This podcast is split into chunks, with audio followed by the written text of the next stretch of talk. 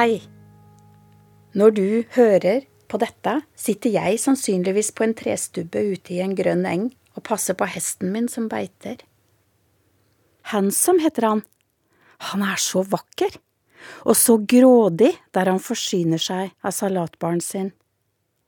Min jobb er å passe på at hestene venner seg til beite og grønt gress, sakte, men sikkert. Ellers kan han få vondt i magen. Nå er Hansom oppe i en times beitetid. Han skynder seg å spise alt han kan, for han vet at jeg snart vil reise meg og leie han inn i stallen igjen. Det er mye god meditasjon i å sitte på en trestubbe og se på en hest. Men det er ikke bare hest som opptar meg. Jeg er ganske så opptatt av jobben min også. Jeg forsker på ulike sider ved menneskers seksualitet, på hva vi gjør i senga, med hvem og hvordan, og hva som er vanskelig for oss på det seksuelle området. Velkommen til sommer i P2. Jeg heter Bente Treen, og jeg er professor i helsepsykologi ved Universitetet i Oslo. Jeg tenker at jeg har verdens mest vidunderlige jobb. Jeg får lov til å fordype meg i flere hvorfor det spørsmål enn jeg rekker å besvare. Og ikke minst, jeg får lov til å fordype meg i det som interesserer meg. Ofte er det ting som handler om hva jeg selv undrer meg over, eller synes er vanskelig å takle i livet. I den neste timen skal det handle om noen av de spørsmålene som opptar meg mest. Det skal handle om seksualitet og kjærlighet. Og om å være verdifull og bra nok. Og å bli elsket for den man er.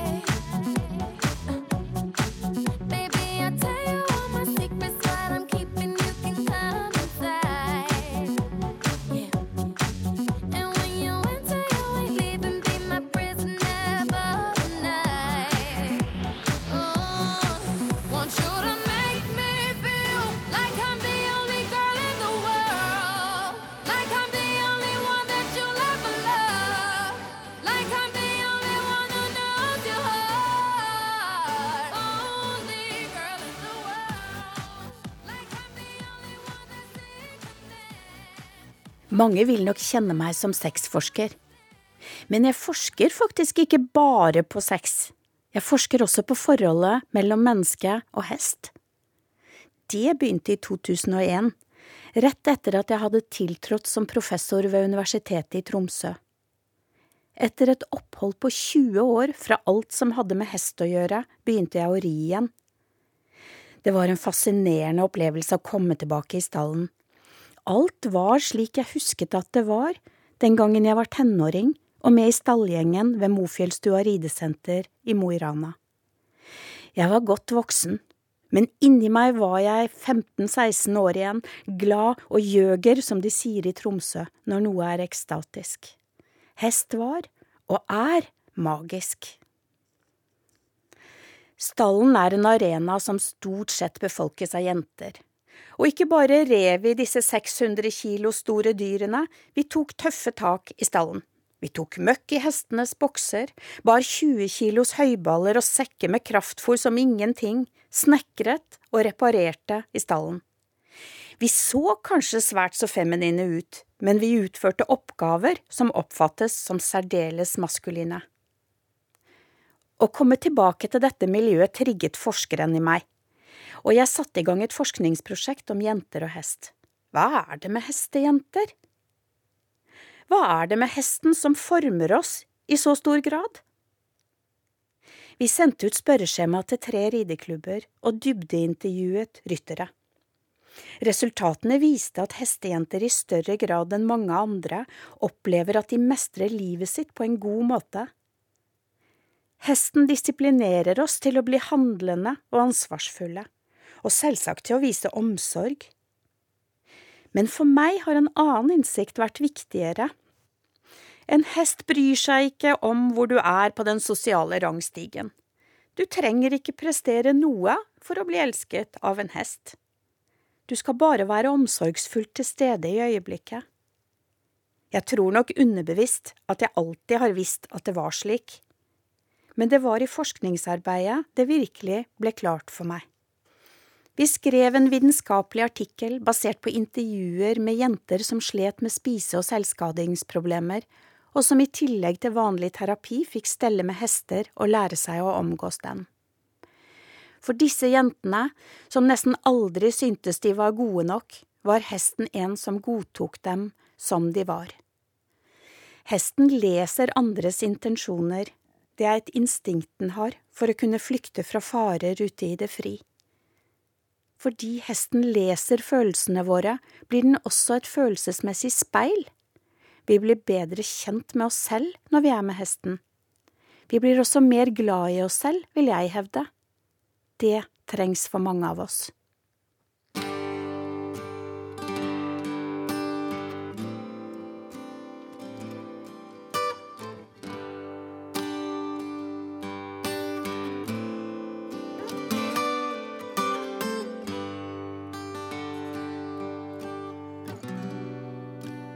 Childhood living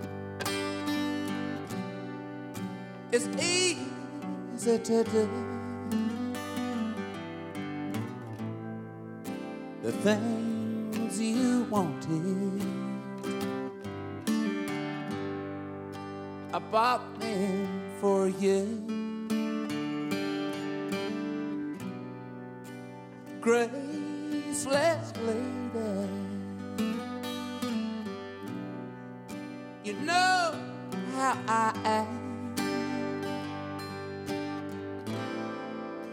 You know I can't let you slide through my hands. Cause wild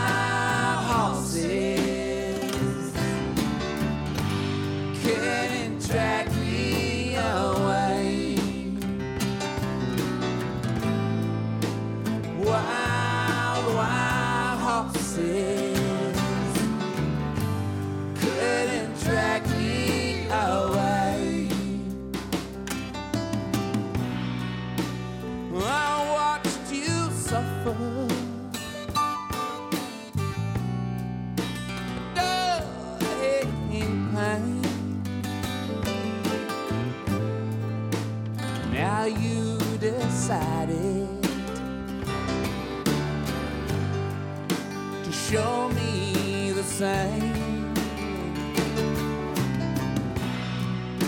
But no sweeping exits. Oh, off stage line could make me feel bitter or treat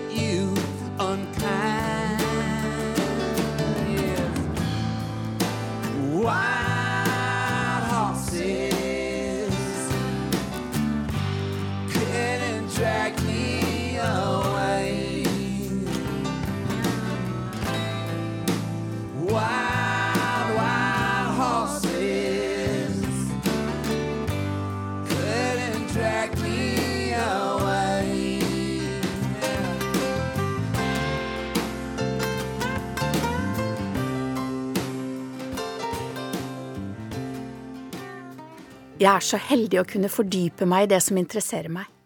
Ofte er det ting som handler om hva jeg selv undrer meg over i mitt eget liv. Hvordan er dette for andre, tenker jeg.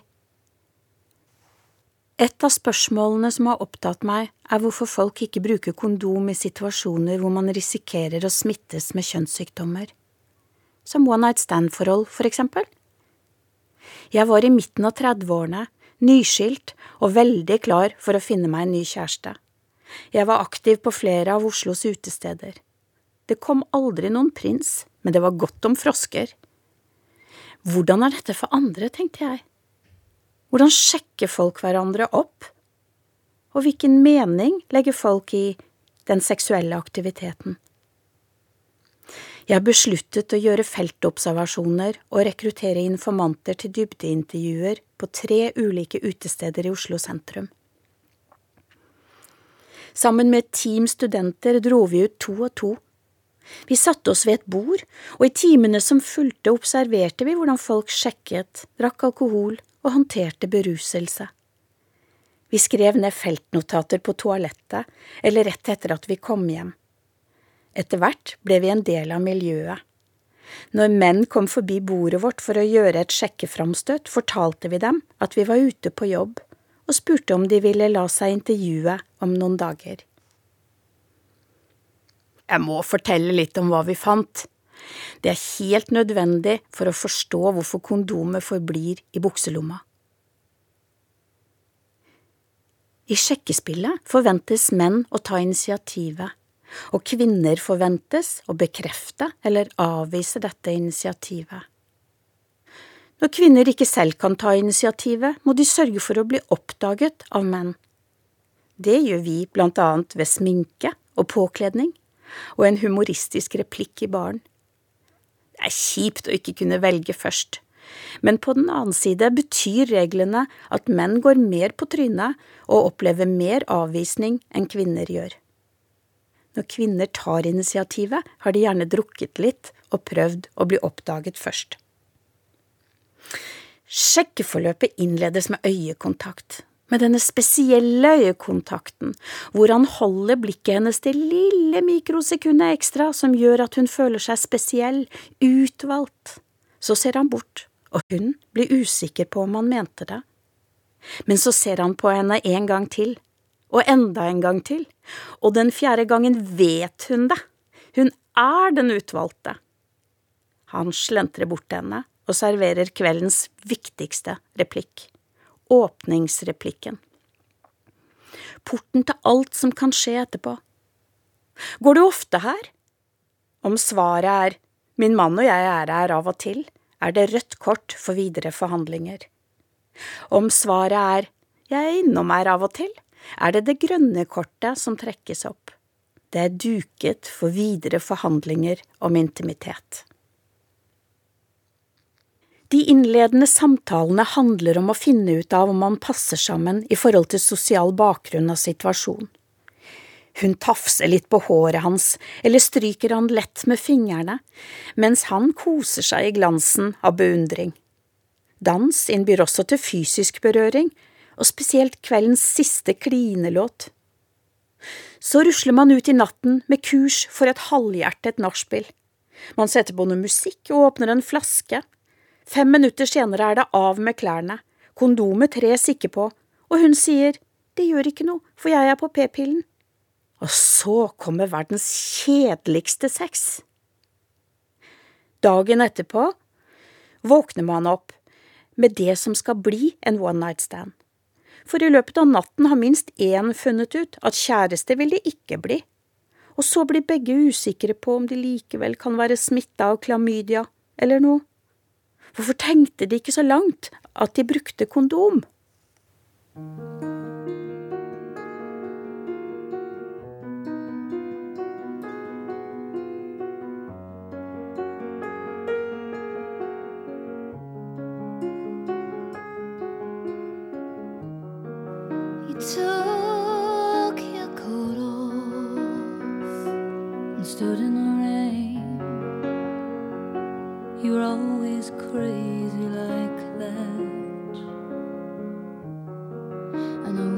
watched from my window. I always felt I was outside looking in on you. You're always the mysterious one with dark eyes and careless hair. You were fashionably sensitive, but too cool.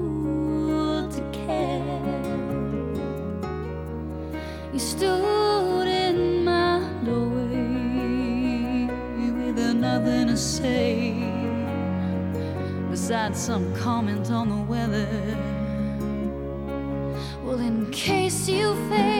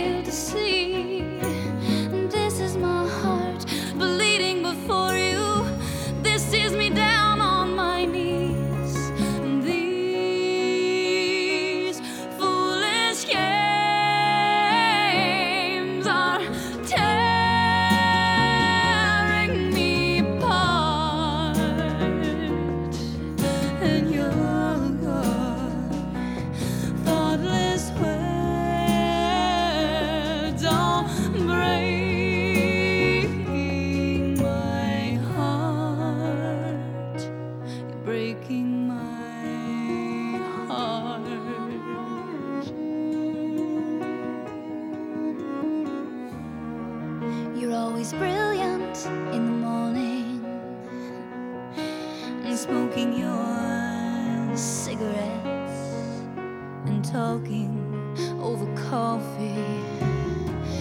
Your philosophies on art baroque moved you. You loved Mozart, and you'd speak of your loved ones as I clumsily strummed my guitar. Well, excuse me. Guess I'm mistaking you for somebody else.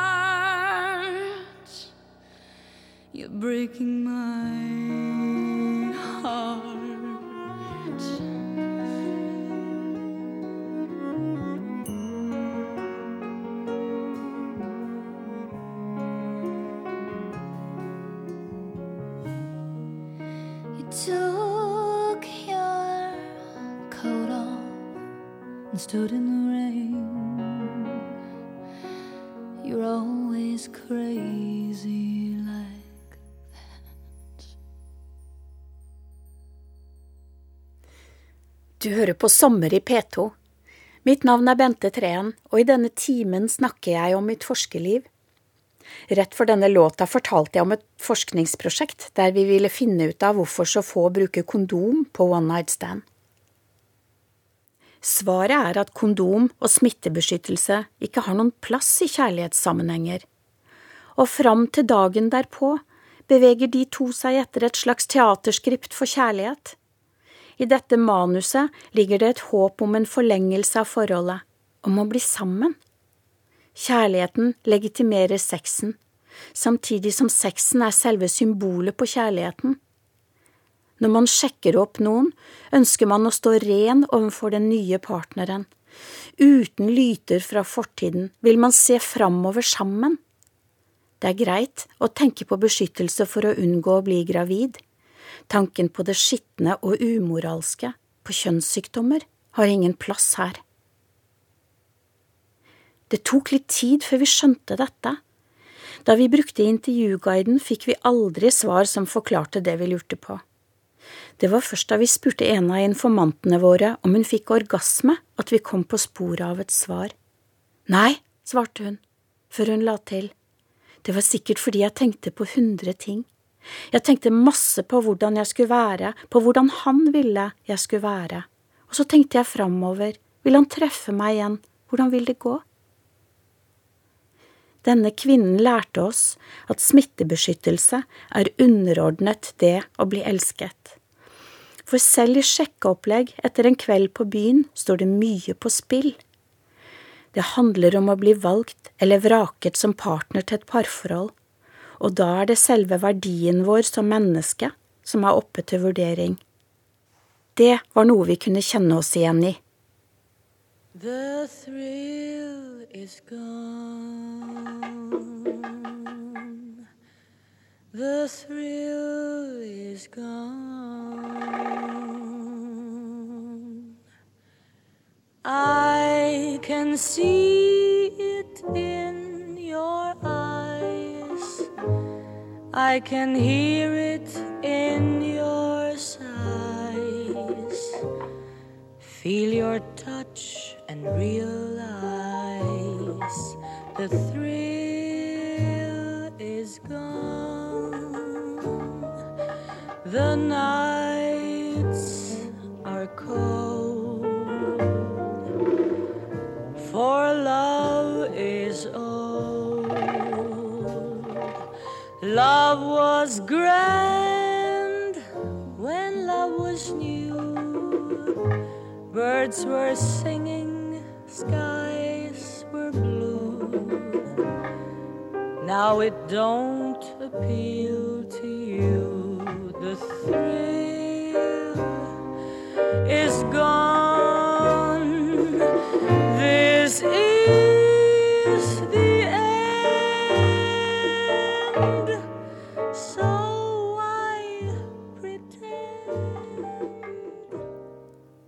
Seksualiteten er omgitt av så mye moralisme. Vi knytter det å ha mange partnere til risiko for kjønnssykdommer og promiskuitet. Promiskuitet er et meningsløst ord. Vi bruker det bare for å skildre de som har hatt flere partnere enn oss selv, uavhengig av hvor mange vi selv har hatt. For det er faktisk forelskelse, eller betattheten, som legitimerer det seksuelle møtet. Og hvor ofte kan vi forelske oss, og hvor ofte er det gjensidig? Forelskelsen er en kraftfull mekanisme for å regulere hvor mange personer vi har sex med. Det gjelder å oppføre seg innafor, og ikke avvike fra det som anses normalt. Det er da man risikerer å bli stemplet som promiskuøs. De fleste av oss er romantisk anlagt, og har vi ikke kjæreste, leter vi etter en. Så blir det et sjekkeopplegg, men en eller annen gang i løpet av natten finner man ut at det likevel var feil partner man hadde tatt med seg hjem. Det er da det blir en one night stand. Moralismen hindrer oss i å se og forstå. Min forskning handler om å forstå hvorfor folk gjør som de gjør. Om vi ikke forstår hva som styrer folks handlinger, kan vi heller ikke forebygge helseproblemer. I One Night Stand-prosjektet var det to informanter som hadde hatt mange partnere. Jeg gjorde en dybdeanalyse av disse to og skrev en vitenskapelig artikkel om dem. Her forsøkte jeg å forklare hva det er som driver dem fra den ene partneren til den andre. Slik jeg ser det, er det angst for intimitet som er den viktigste drivkraften. Og da mener jeg ikke et slags sykelig personlighetstrekk.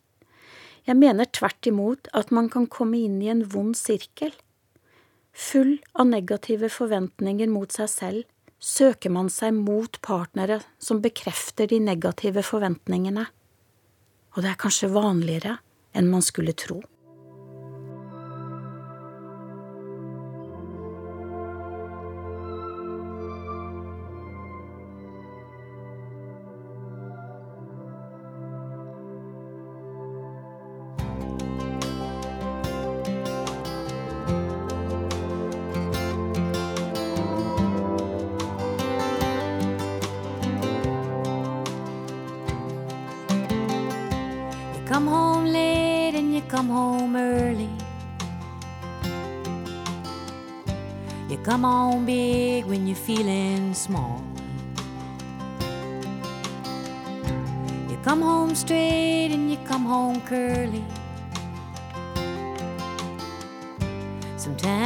Don't come home at all. So, what in the world's come over you? And what in heaven's name have you done? You've broken the speed of the sound of loneliness. You're out there running just to be on the run. I got a heart that burns with a fever. And I got a worried and a jealous mind. Well, how can a love that lasts forever? I get left so far behind. So what in the world's come over What in heaven's name have you done? You're broken the speed of the sound of loneliness. You're out there running just to be on the run.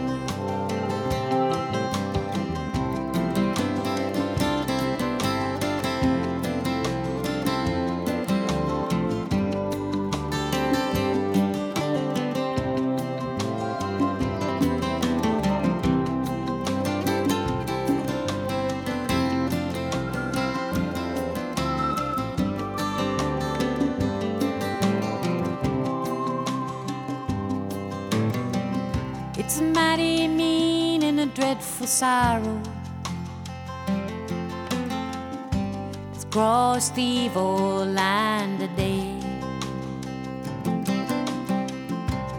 How can you ask about tomorrow?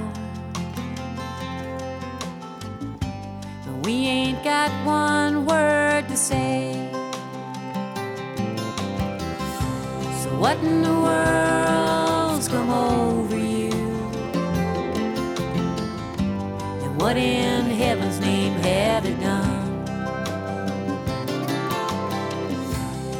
Broken the speed of the sound of loneliness. You're out there running just to be on the run. Når man gjennomfører og analyserer dybdeintervjustudier, er man som forsker et viktig forskningsinstrument. Hvem jeg er, får selvsagt en innvirkning på hvordan jeg forstår og tolker informantene mine, og på hvor mye og hva de velger å fortelle om seg selv til en fremmed. Det er helt fint. Det kan ligge masse ømhet i et møte mellom forskeren og informanten.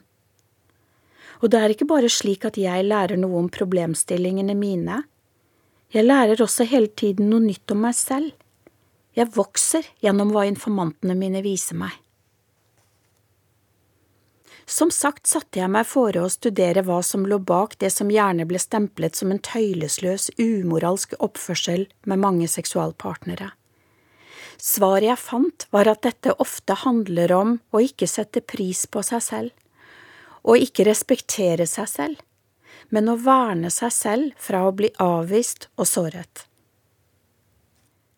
I vår tid skal kjærligheten uttrykkes på en seksuell måte for å oppfattes som ekte.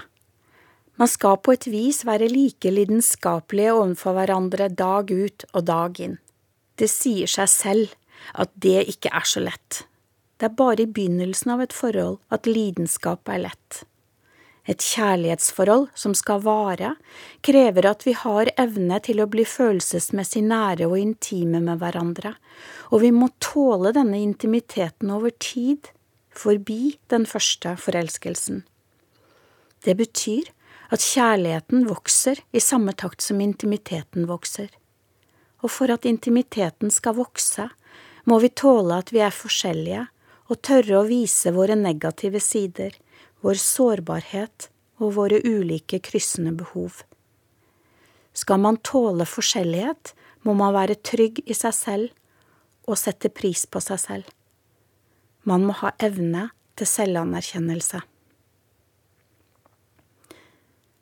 Selvanerkjennelse er et viktig motiv bak nesten alt vi foretar oss, og er uløselig knyttet til selvbildet vårt.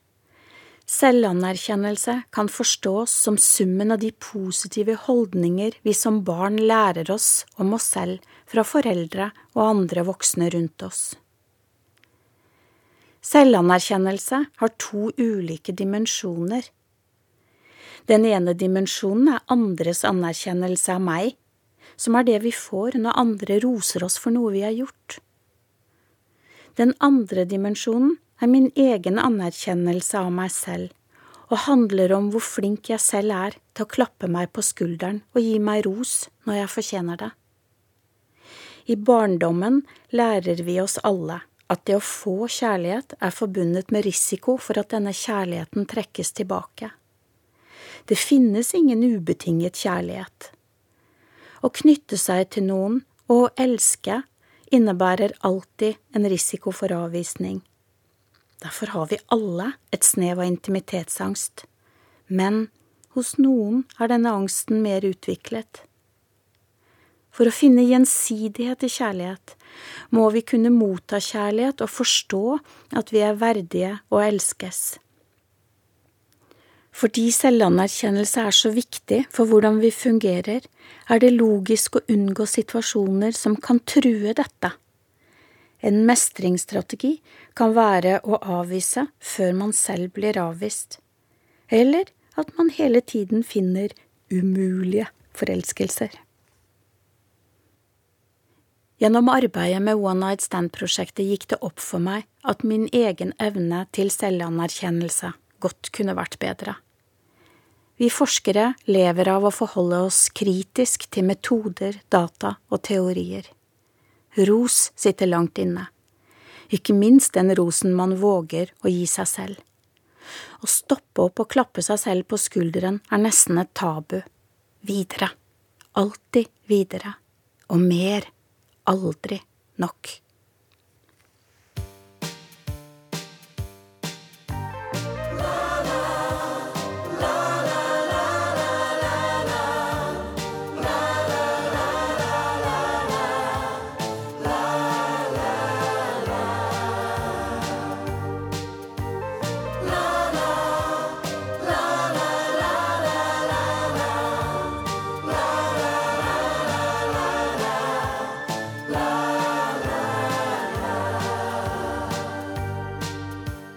Dance me to your beauty with a burning violin. Dance me through the panic till I'm gathered safely in. Lift me like an olive branch and be my homeward dove. Dance me to the end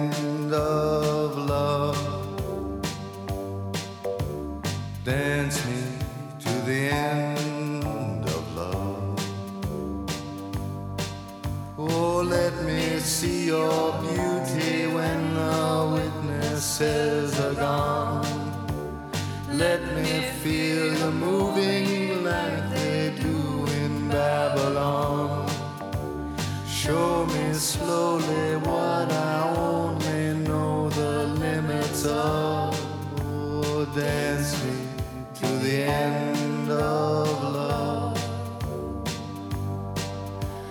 Dance me to the end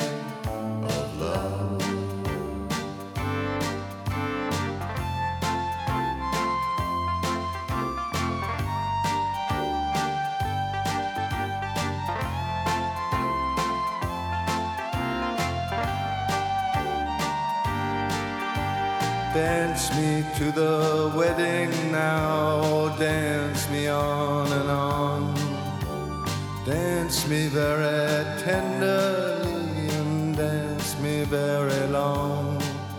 We're both of us beneath our love, we're both of us above. Dance me to the end of love. Dance me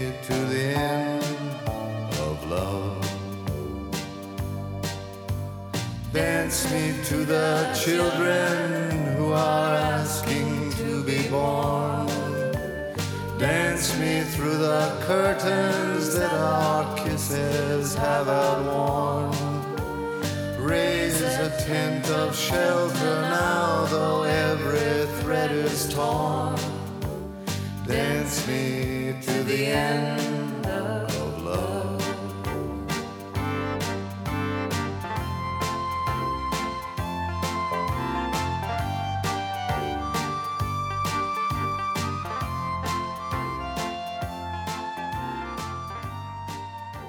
Mitt navn er Bente Treen, og i Sommer i P2 i dag snakker jeg om ulike sider ved mitt forskerliv. En ting jeg brenner for, er forskningsformidling. Jeg har fått være med på mange spennende formidlingsoppgaver, både i aviser, radio og TV. Likevel vil jeg si at noe av det som har vært aller mest spennende, er å stå på scenen i Teaterkjelleren i Oslo sammen med psykolog og jazzsanger Kristine Lingås og musikere. Det er veldig morsomt å få lov å prøve ut nye måter å formidle på. Kristine ønsket å forene de to tingene hun brenner for, psykologi og jazz, og inviterte meg med. To forestillinger lagde vi sammen, en om one night stand og en om det å slite med å ikke ha lyst på sex. Jeg skrev manus, og Kristine valgte ut, arrangerte og framførte sanger som illustrerte teksten. Det var ikke tilfeldig at jeg valgte å snakke fra scenen om sexlysten som forsvinner. Lystproblemer er dessverre svært utbredt i befolkningen, og det er langt flere enn kvinner i menopausen som rammes. Likevel er det tabu å snakke om, for i vår tid skal man tilsynelatende ha lyst hele tiden. Hva skjer når sexlysten forsvinner? Hvordan forstår de som rammes, at lysten er borte? Jeg hadde nesten ikke noe budsjett til å gjennomføre prosjektet, men med noen tusenlapper fikk jeg satt inn to større annonser i avisene Bladet Tromsø og Nordlys. I annonsen sto det Er du en mann eller kvinne som opplever å ha nedsatt seksuell lyst? Kunne du tenke deg å bli intervjuet av en forsker om å oppleve dette? Jeg hadde aldri forventet meg en så overveldende respons på annonsene. NRK la ut en sak på sine nettsider, Skavlan-redaksjonen ringte, og folk fra hele landet og utlandet tok kontakt for å delta i undersøkelsen og fortelle om sine erfaringer. Svarene falt inn under tre overordnede årsakskategorier. For det første biologiske endringer i kroppen som følge av aldring, sykdom eller medisiner mot sykdom. For det andre samlivsproblemer. Og til sist det å ha opplevd fysiske, psykiske og eller seksuelle overgrep og krenkelser i barne- og ungdomsårene. Å høre historiene til mennesker som har opplevd overgrep, er sterkt og vondt. Jeg glemmer aldri en kvinne som hadde vært utsatt for incest. Historien hennes er nesten for vond til å være sann. Og likevel, da jeg spurte henne om seksualiteten var viktig for henne, svarte hun ja, nå er den viktig. Det er noe med dronningen i meg selv.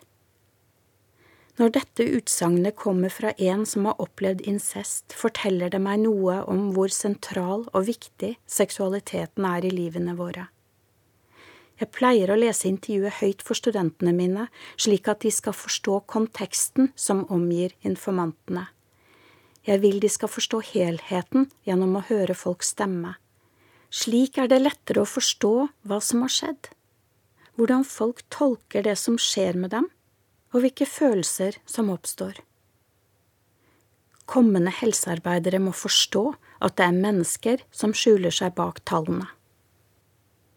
I dette prosjektet ble jeg overrasket over at så mange av informantene mine hadde vært utsatt for typer av overgrep.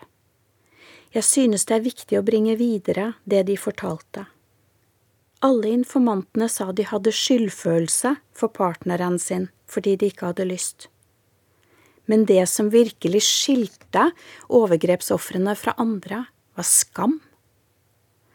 Skyldfølelse er noe vi får når vi har gjort noe galt. Det kan vi få tilgivelse for. Men skam handler om at det er noe galt med meg. Det er det ingen tilgivelse for. Den som er utsatt for overgrep, har en tendens til å tilskrive overgrepet til sin egen person. Det er noe uverdig, skittent og galt med meg. Skammen overvelder offeret og hindrer lyst og nytelse. Jeg er ikke verdig å elskes, tenker offeret. Offeret kan ha lyst når hun avvises, når hun må tigge om kjærlighet. Når hun elskes, forsvinner lysten. Hun er fylt av selvforakt og i sine egne øyne er hun en skitten person. For den som har vært utsatt for overgrep, har sex alltid vært en plikt. Det handler ikke om nytelse. Mangel på seksuell lyst kan tolkes som en manifestasjon av skammen. Hos folk flest handler sex om at man frivillig oppgir kontroll for å kunne hengi seg selv til nytelse. For overgrepsofre er det å kjenne på seksuelle følelser et resultat av å bli fratatt kontrollen.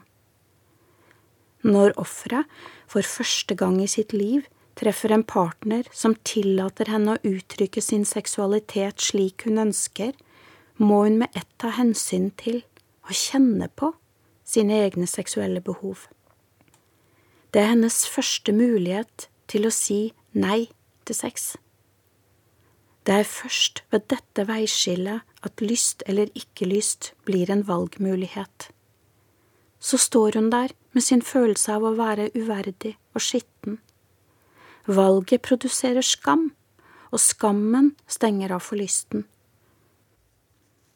En annen av informantene i denne undersøkelsen gjorde også stort inntrykk på meg. Hun beskrev helt enkelt hvordan hun sluttet å være martyr. Historien hennes var klassisk. En uplanlagt graviditet i studietiden. Hun og mannen blir enige om at det er mest praktisk at hun blir hjemme med barnet mens han gjør seg ferdig med studiene. Så kommer det et barn til, og historien gjentar seg. At mannen gjorde karriere mens hun var hjemme med barna, skapte en ubalanse. For hvem? og hvems arbeid er viktigst?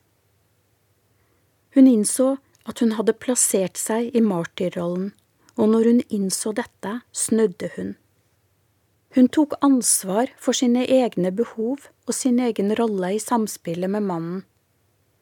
Gjennom hennes fortelling kjente jeg selv på hvor vanskelig det kan være å ta ansvar for mine egne behov. Det er lettere å plassere skylden på den andre parten. Men å ta ansvar for seg selv på en slik måte er å myndiggjøre seg selv.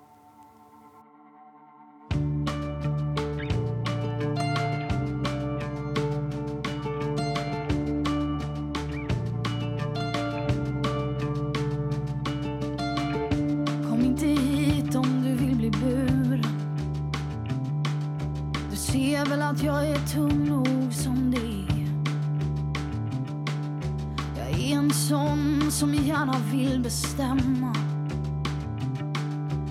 Förr fick jag aldrig det. Jag har aldrig vågat göra som de säger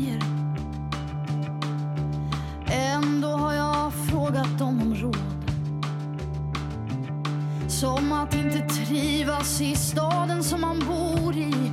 Men aldrig ta sig därifrån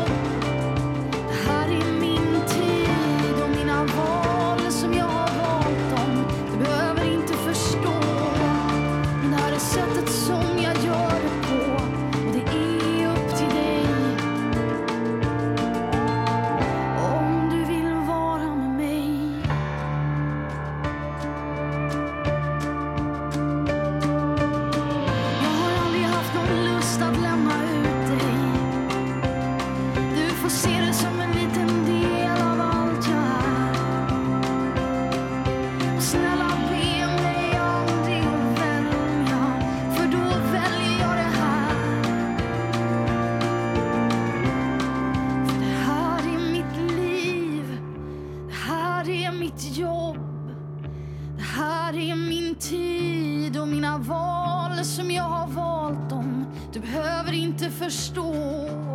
Men det här är sättet som jag gör det på. Och det är upp till dig.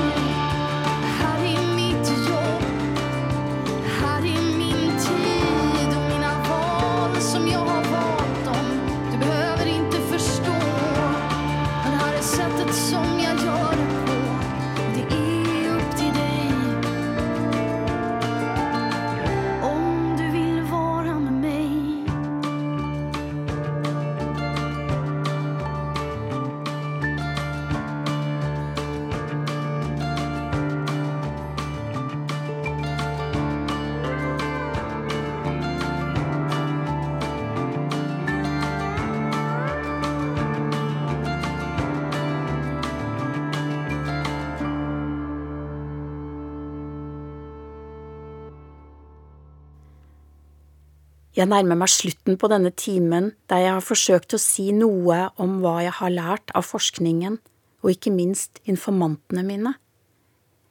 En av de tingene jeg har lært, er hvor viktig det er å tenke at man er bra nok. Da jeg disputerte i 1993, inviterte jeg faren min til å komme på disputasen, og på festen etterpå. Jeg fortalte det var forventet ved en slik anledning at en pappa ville holde tale. Pappa kom ikke på prøveforelesningene, og ikke på disputasen, men han kom på festen, og han reiste seg opp og holdt en tale slik jeg hadde sagt.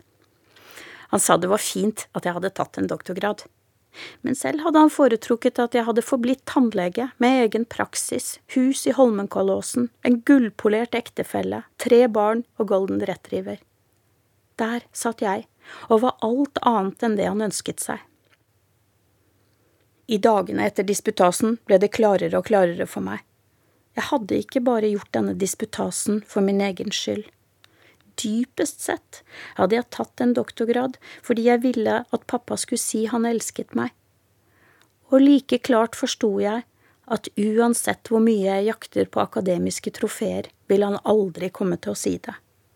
Jeg måtte hente opp min egen indre drivkraft i forhold til å drive forskningen min framover. Det skulle gå 20 år før det ble noen bevegelse i relasjonen vår. Når min pappa lå på sitt siste, besøkte jeg han så å si hver dag. Han endret seg i disse siste fire månedene av livet sitt. Det han hadde syntes var viktig før, var plutselig uvesentlig for han.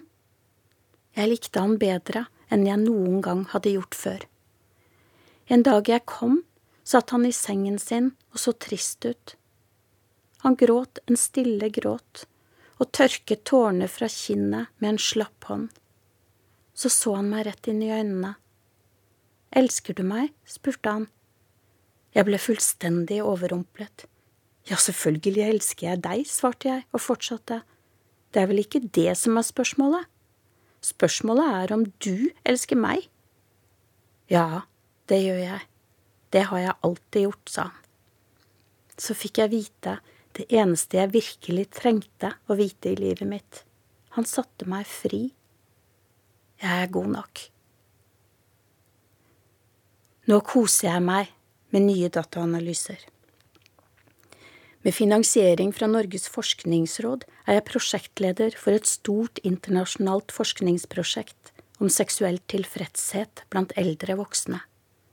Tenk at nesten ingen har gjort studier om seksuallivet til eldre. Det henger igjen sammen med en forestilling om at bestemor og bestefar er aseksuelle. Feil!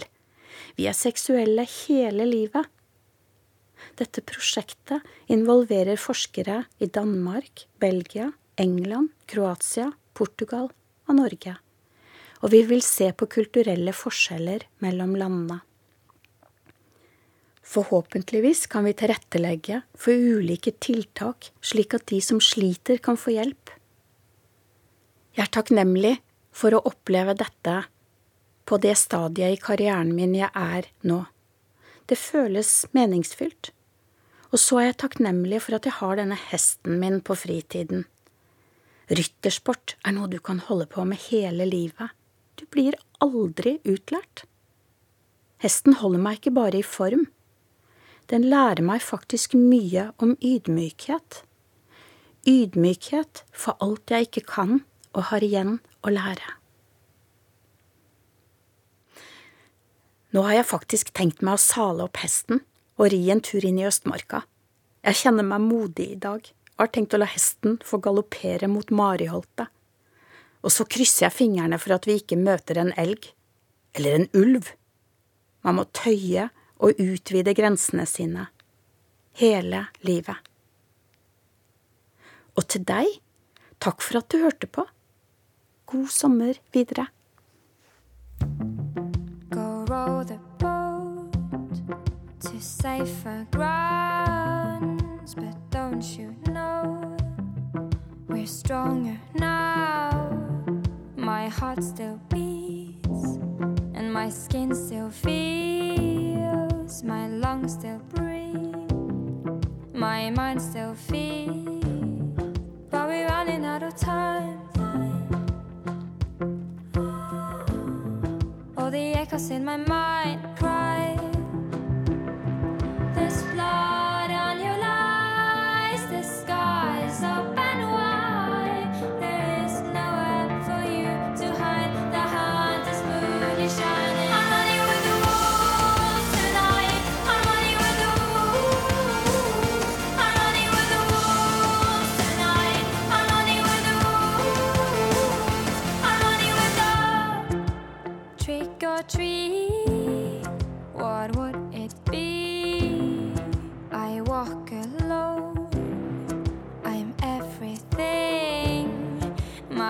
can hear, and my mouth can speak.